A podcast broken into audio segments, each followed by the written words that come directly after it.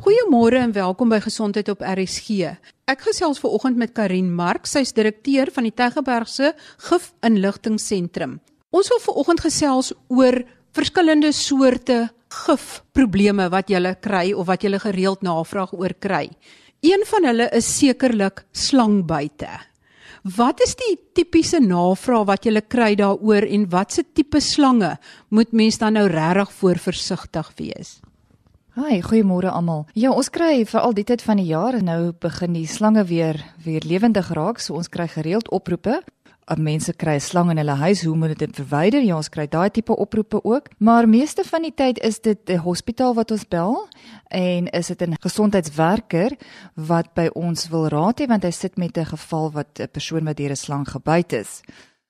Verkieslik is dit die beste as hy as iemand die slang saambring, maar ons bemoedig dit nie altyd aan nie want 'n slang kan meer as een keer byt, so ons wil nie hierdie persoon met weer gebyt word nie, maar dit help ons baie as die slang geïdentifiseer kan word. Dit is natuurlik nie altyd moontlik nie en dan gaan ons volgens simptome waarmee die pasiënt presenteer. Mense is onder die wan indruk as wanneer hulle gaan kamp, uh, dink hulle hulle moet die teengif saamvat. So ons kry gereeld oproepe van iemand wat byvoorbeeld sê hulle gaan in die Rigtersveld in en uh, waar kan hulle die teengif koop en kan hulle dit gee as 'n persoon deur 'n slang gebyt het. En dis heeltemal verkeerd, verkeerde inligting gekontra-indikeer. Die teengif kan jou wel doodmaak. Mense kan in anafilaktiese skok gaan. So teengif word net in 'n hospitaalomgewing toegedien. Maar vertel vir ons as jy nou die oproep kry en die uh, dokter of die gesondheidswerker begin nou die simptome te beskryf. Vat ons deur so 'n tipe protokol soos wat die een nou die simptome beskryf totdat jy by die antwoord uitkom oor hoe daar opgetree moet word. OK, ons in Suid-Afrika is omtrent 90% van ons slange nie giftig nie. 10% van ons slange is wel giftig. Nou daai 10% kan ons in drie verskillende groepe opdeel. Die eerste groep is neurotoksiese slangbyte. En nou dis die Kaapse kobra en die mamba wat hier onder val. En 'n persoon presenteer gewoonlik baie vinnig na byt. Dit is 'n baie ernstige vergiftiging en ons erken hulle dat hulle in respiratoriese nood ingaan. Met ander woorde, hierdie pasiënte moet geventileer word.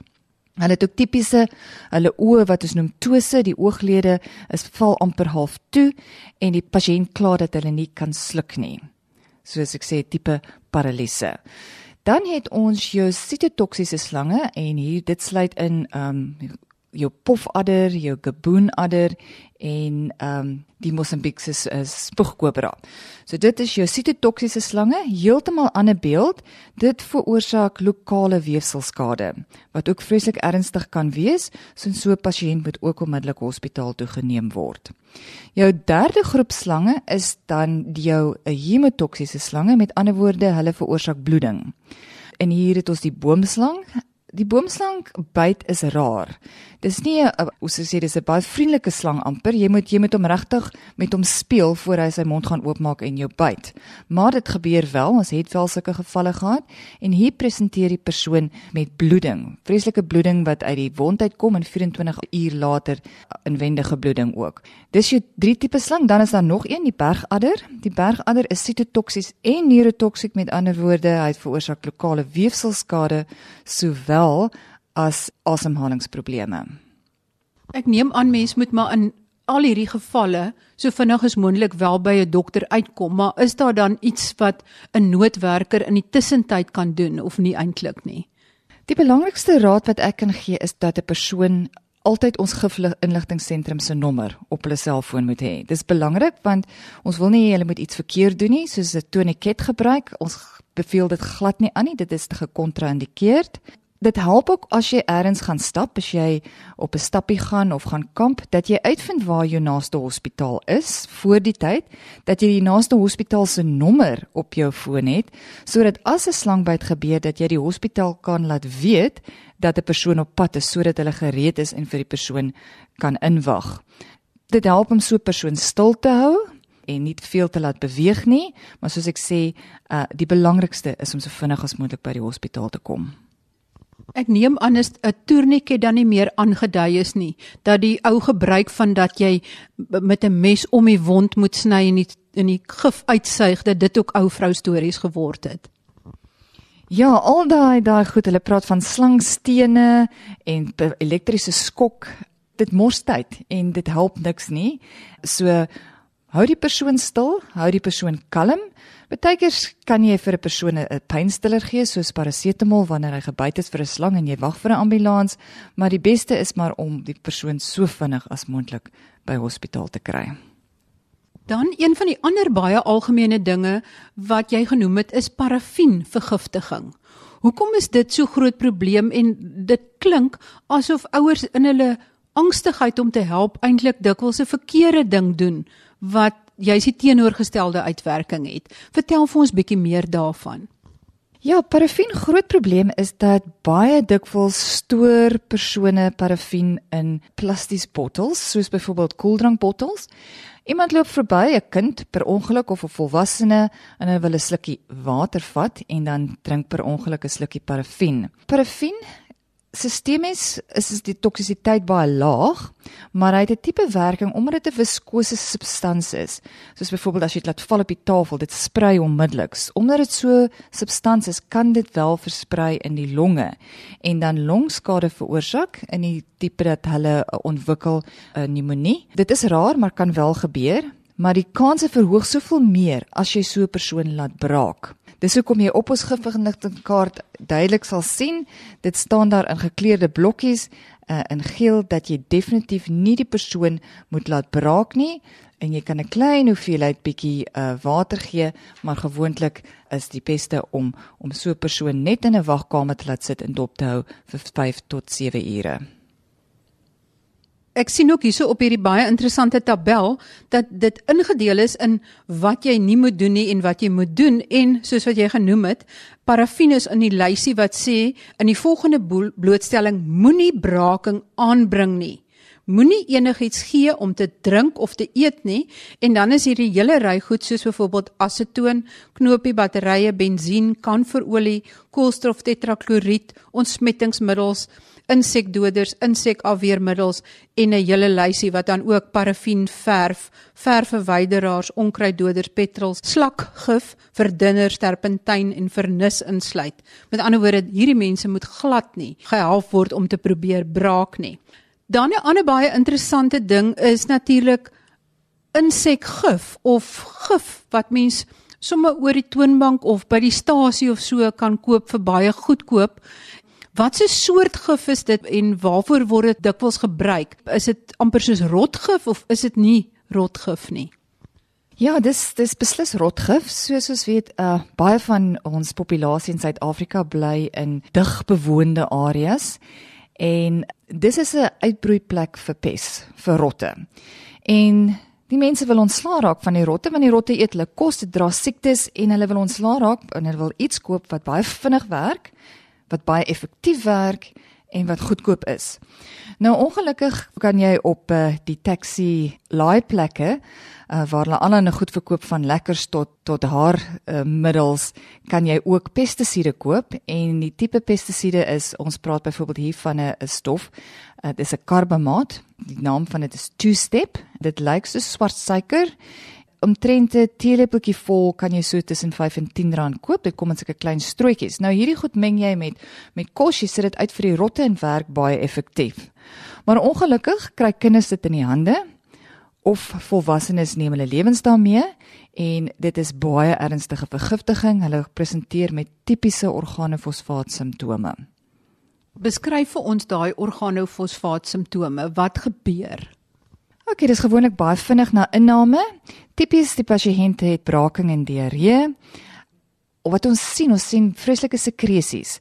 Uh sweet, terugheid, tranerigheid en baie 'n uh, uh, spoeg wat by die mond uitkom en dan ontwikkel hulle ook baie sekresies op hulle longe wat ons noem bronchoree en dit kan dan asemhalingsnood veroorsaak.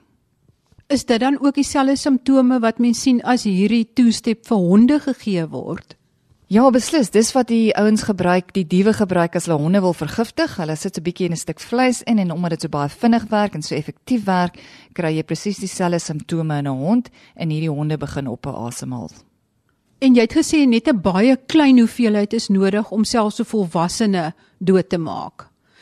Ja, dis omtrent so, ek sal sê 'n teelepel vol En en tipies ons kry gereeld oproepe van rotgif, blootstelling en my eerste vraag gewoonlik aan die dokter wat bel is, is ek vra vir jou pasiënt want almal dink rotgif is die wat jy in die supermarkte koop wat 'n uh, bloeding veroorsaak wat uh, warfarin is.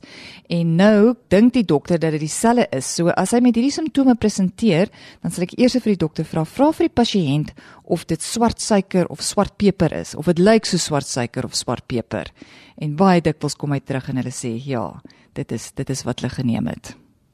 Nou as mens nou vasgestel het dit is hierdie tipe two-step of hierdie organofosfaat, is daar 'n teenmiddel daarteen? Wat kan mens daarvoor doen? Ja, jy moet onmiddellik hospitaal by die hospitaal kom. Dit kan lewensbedreigend wees want die persoon nou op met asemhaal, so hy moet geventileer word. En in die hospitaal sal hulle dan die teenmiddel atropine aan die pasiënt toedien. En as dit nou regte oudtydse rotgif is wat bloeding veroorsaak, kan mens iets daarteen doen?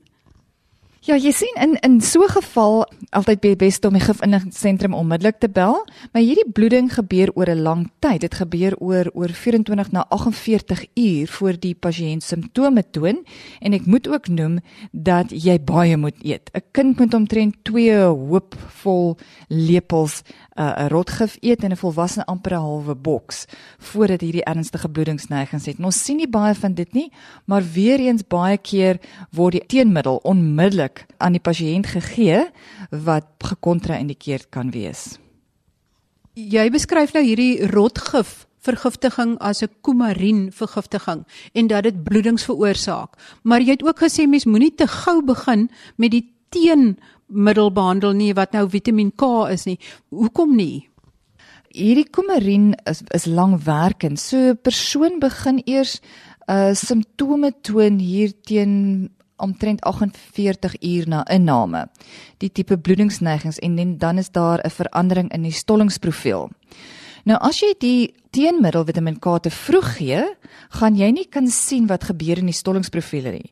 En dan gaan jy nie weet of dit wel 'n ernstige vergiftiging is of dit geen vergiftiging is nie. En jy wil nie 'n pasiënt onnodig op behandeling sit nie, want as jy hom op behandeling sit, moet jy hom baie keer vir tot en met 6 maande behandel. Wat baie lank is. Ons het ook nie die orale tablet in Suid-Afrika nie, so hulle moet die vloeistof gegee word, die inspuiting vloeistof wat hulle moet neem. So om dit te voorkom, hou as 'n pasiënt in hospitaal. Ons gee niks vir die eerste 48 uur nie tensy ons weet dit is 'n baie ernstige vergiftiging, so ons hou net die persoon dop en doen die stollingsprofiele.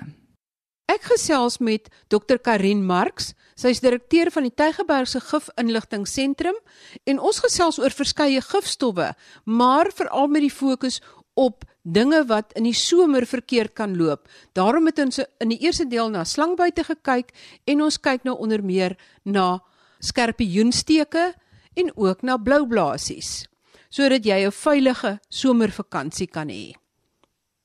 Kry julle ooit navraag oor plantvergiftiging of uh, 'n uh, kind wat dalk 'n plant geëet het wat hy nie moes geëet het nie? Plantvergiftiging, ja, ons kry gereeld oproepe, maar dit is ek kan sê amper 100% van die kere is dit is dit nie ernstig nie want 'n kind eet nooit genoeg van 'n plant vir om ernstige vergiftiging op te doen nie. Ons vat byvoorbeeld iets soos die uh Syringa bessie waar daar gesê word dat as jy gaan lees daarop dat dit baie baie giftig is, maar ons weet 'n kind sluk die bessie in en dit word deur die liggaam uitgeskei sonder dat enige vergiftiging plaasvind. Dink aan ander tipe goed, die olifantsoor of die armlilie, wat ons noem die varkblom. Kinders eet gereeld die blare en hulle skree hulle kop van hulle lyf af want dit is dit brand hulle monde. Maar ons weet binne 'n halfuur is daai brand weg. Ons al wat ons vir die ma sê, gee die kind 'n stukkie ys of 'n uh, yslolly om te eet. So dis nie altyd nodig dat 'n pasiënt hoef hospitaal toe geneem te word nie. Baie keer kan hulle by die huis gekyk na gekyk word dit uh, verhoed stres, onnodige stres en natuurlik onnodige onkoste. So weer eens beste is om die gifinligtingseentrum te bel waar ons hulle kan 'n maak kan help besluit of dit nodig is om 'n kind hospitaal toe te vat of nie. Dan sommer interessantheidshalwe oor ehm um, skerpioenbuite, kry julle in die somer redelik navraag daaroor en hoe giftig is 'n skerpioen se gif regtig? So skerpioensteke. Ja, hierdie tyd van die jaar weer eens hier teen Januarie is ons baie besig met die skerpioensteke. Ehm um, Ons het 'n skorpioen in in die Weskaap, die Parabothus granulatus wat wel baie giftig is en dit kan 'n kind doodmaak die gif. So ons protokol is dat 'n persoon wat deur 'n skorpioen gesteek was, uh wel hospitaal toe moet gaan, maar ons weet die ene met die groot kloue en die dun dun stertjie is gewoonlik die nie giftige skorpioen, dis die Scorpionidae en dan van die giftige reeks waar hulle dik stert het en 'n klein knypers uh, is daar baie in hierdie reeks wat ook nie giftig is nie. So weer eens beste om ons uh, gifinligtingseentrum te bel. Daar is wel 'n teenmiddel wat gegee word, so in die geval van 'n giftige skorpioensteek beveel ons altyd aan dat die teenmiddel gegee word. Dan een van die belangrike kategorieë en wat julle sê julle ook heelwat oproepe oor kry is mense wat per ongeluk of dalk soos beplan dalk meer pille inneem as wat hulle behoort in te neem. En ek sien op die lysie wat die pille wat jy noem is aspirien, ystertablette, parasetamol en ysterbevattende vitamiene. Maar ons dink aan altyd parasetamol is veilig. Wat kan dan verkeerd loop as jy te veel parasetamol inneem? En dis nou die gewone Panado of Grandpa poeiers. Ja, die meeste oproepe wat ons ontvang wat wat pille aanbetref is as gevolg van 'n parasetamol uh, oordosering. En soos jy sê, kinders kan dit per ongeluk inneem of uh volwassenes uh, probeer hulle eie lewe neem. En dis 'n hele ander prentjie as 'n veilige middel as 'n volwasse persoon byvoorbeeld 'n hele pakkie parasetamol drink. En wat gebeur gewoonlik is en dit is baie keer baie tragies dat so 'n persoon het 'n argument uh sê byvoorbeeld die die aand met haar hulle ouers of hulle boyfriends of hulle vriende, môre voel hulle oggend voel hulle beter, hulle word wakker en dan het hulle geen simptome nie al het hulle 20 parasetamols gedrink. Ons praat nou hier van 10 gram en dit is nou wanneer die lewerskade begin. Maar die persoon is gewoonlik sonder simptome vir die eerste 2 tot 3 dae en na 3 dae het hulle erge lewerskade wat tot die dood kan lei. So parasetamol in 'n oordosering is 'n baie gevaarlike middel. En wat van aspirine of ysterbevattende vitamiene? Hoekom is dit op die lys? Yster is ook 'n gevaarlike middel wat uh, tot tot lewerskade en weefselskade kan lei. Ehm um, dit kan ook inwendige bloeding veroorsaak en weer eens, een of twee ysterpille is goed vir jou, maar 'n handvol uh, kan tot ernstige probleme lei. Daar is gelukkig teen parasetamol en teen yster is daar 'n teenmiddel beskikbaar. Aspirine ook, dis soos parasetamol in 'n in 'n sekere dosering kan dit ernstige probleme veroorsaak, veral in kinders kan dit asemhalingsprobleme veroorsaak en baie baie lae bloedsuikers en hulle moet gewoonlik opgeneem word in in intensiewe eenhede in hospitale. En met die somerseisoen wat nou aanbreek, is dit natuurlik ook weer die tyd vir spinnekoppe. Is spinnekop byt regtig so giftig en gevaarlik?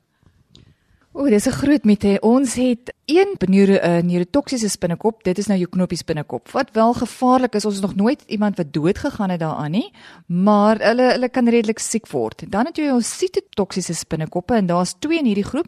Die een is die viool spinnekop en die ander een is die sak spinnekop. Maar as ek vir jou kan sê hoeveel oproepe ons ontvang waar mense sê hulle is wel deur hierdie spinnekoppe gebyt en dit is nie so nie. Dit is regtig erg. So ons sê dat as die persoon nie die spinnekop gesien het nie, kan hy nie sê dis 'n spinnekop byt nie. En natuurlik is daar ook nie teenmiddels teen jou ehm um, sakspinnekop en vioolspinnekop nie. So dis basies hou die wond skoon, gaan na jou dokter toe, kry antibiotika, maar mense is onder die wanindruk om te dink dat hulle gaan gate in hulle bene kry en hulle gaan ledemate verloor en dit is nie so nie. En wat dan van as mens by die see is en blou blaasies, is daar iets wat kan help teen 'n blou blaasie? Wat moet jy doen as jy ehm um, is dit gesteek word?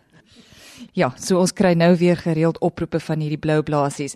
Die blou blaasies het hierdie hierdie lang uh, kan ek amper sê angels wat hulle agter hulle tentacles wat hulle agter hulle aantrek en dit het dit selletjies in daar wat as dit in kontak met jou vel kom, dan laat hulle hierdie gif los. En dit is natuurlik 'n baie erge brandpyn. Nou die probleem is die eerste ding wat 'n ma gaan doen is sy sien haar kind is geslaan, sy gryp die bottel minerale water en sy gooi dit uit op die op die blou blaasie op die merkie. En dan wat die blou blaasie dan doen, dit aktiveer hom om nog meer gifselletjies vry te stel. So baie belangrik dat jy nie vars water gebruik om op die brandplek te sit nie, maar dat jy dit afspoel so goed as wat jy kan met seewater. Gryp sommer 'n skerp voorbeeld wat byvoorbeeld 'n kredietkaart en krap probeer dan die selletjies afkrap Later kan jy die kind dan in 'n warm bad sit, so warm as moontlik, want dit bring pynverligting.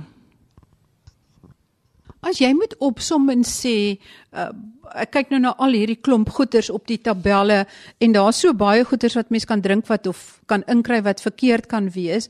Parfuum, plante, rottegif, mercurochrome, gom, uh waspoeier, wassoda, weet die lys is oneindig. En ek sien wat vir my baie interessant is is dat in die meeste gevalle, in die meeste kategorieë sê jy moenie braking aanbring nie. Is dit byvoorbeeld 'n algemene ding wat ouers baie keer dink hulle moet doen? En dan doen hulle dit foutief dat hulle braking wil aanbring. Ja, definitief ehm um, dit word nie gereeld aanbeveel nie. Soos jy kan sien, daar is 'n blokkie met groen waar is wel sê jy jy kan 'n uh, eh, braking aanbring. Ehm um, maar baie keer vind ons dat die ouers weet nie om te doen nie. Dis onsuksesvol. Hulle maak die kinders seer. Uh dit hou sy eie gevare in. So normaalweg bel die gifinligtingseentrum en ons sal jou help om te besluit of dit ernstig is of nie. En as dit vinnig na inname is, is daar altyd geaktiveerde houtskool wat die meeste klinieke of selfs apteke aan die kind kan gee. So ek dink braking is nie meer iets wat ons algemeen aanbeveel nie. Is die uh geaktiveerde houtskool iets algemeen wat mens maar in jou noodhulp tassie moet hou? Ek sal sê ja, maar ook nee. Ek sal sê ja, hou dit aan, maar bel eers die gifinligtingseentrum want byvoorbeeld sê maar 'n kind het iets gedrink wat 'n bytmiddel is, uh, 'n suur of 'n alkali, dan is dit gekontraindikeerd want baie keer moet die moet die dokter 'n endoskopie doen en wat gebeur nou as jy hierdie swart goed in jou maag het? Byvoorbeeld as 'n kind parafin drink, geaktiveerde houtskool gaan nie werk nie en gaan hom dalk laat, laat braak.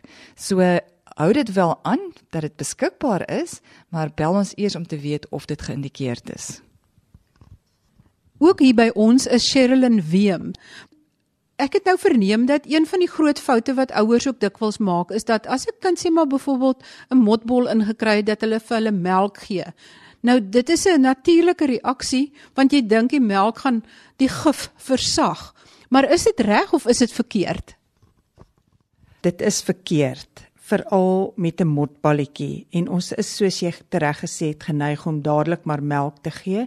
Daarom beveel ons egter aan dat gee liewer 'n vloeistof, verkieslik dan nou water, want in 'n geval van motballe dit bevat naftaleen en die melk gaan die naftaleen vinniger laat absorbeer word. So omdat daar nie baie substansie is wat ons sê moenie melk gee nie, is dit eintlik veiliger om glad nie melk te gee nie want dan weet jy jy's veilig. Baie dankie. Ek dink twee belangrike goed wat ek vandag geleer het is moenie sommer die kind probeer laat braak nie en gee eerder water as melk en kom so vinnig as moontlik by hospitaal en bel natuurlik die gif inligtingshulplyn. En die nommer en gaan skryf dit sommer nou dadelik neer is 0861 555 777 0861 555777 en gaan kyk gerus op www.rsg.co.za ek het daar al die skakels al die inligting gesit na hierdie tabel toe. Ek het 'n PDF van die tabel daar gelaai wat julle sommer direk daar kan aflaai sodat julle dit ergens by julle yskas of so kan opplak want dit is baie interessant om te sien watter middels eintlik probleme kan veroorsaak Ons gesels volgende week weer gesondheidsake. Alles wat mooi is vir die week. Tot volgende week dan. Totsiens.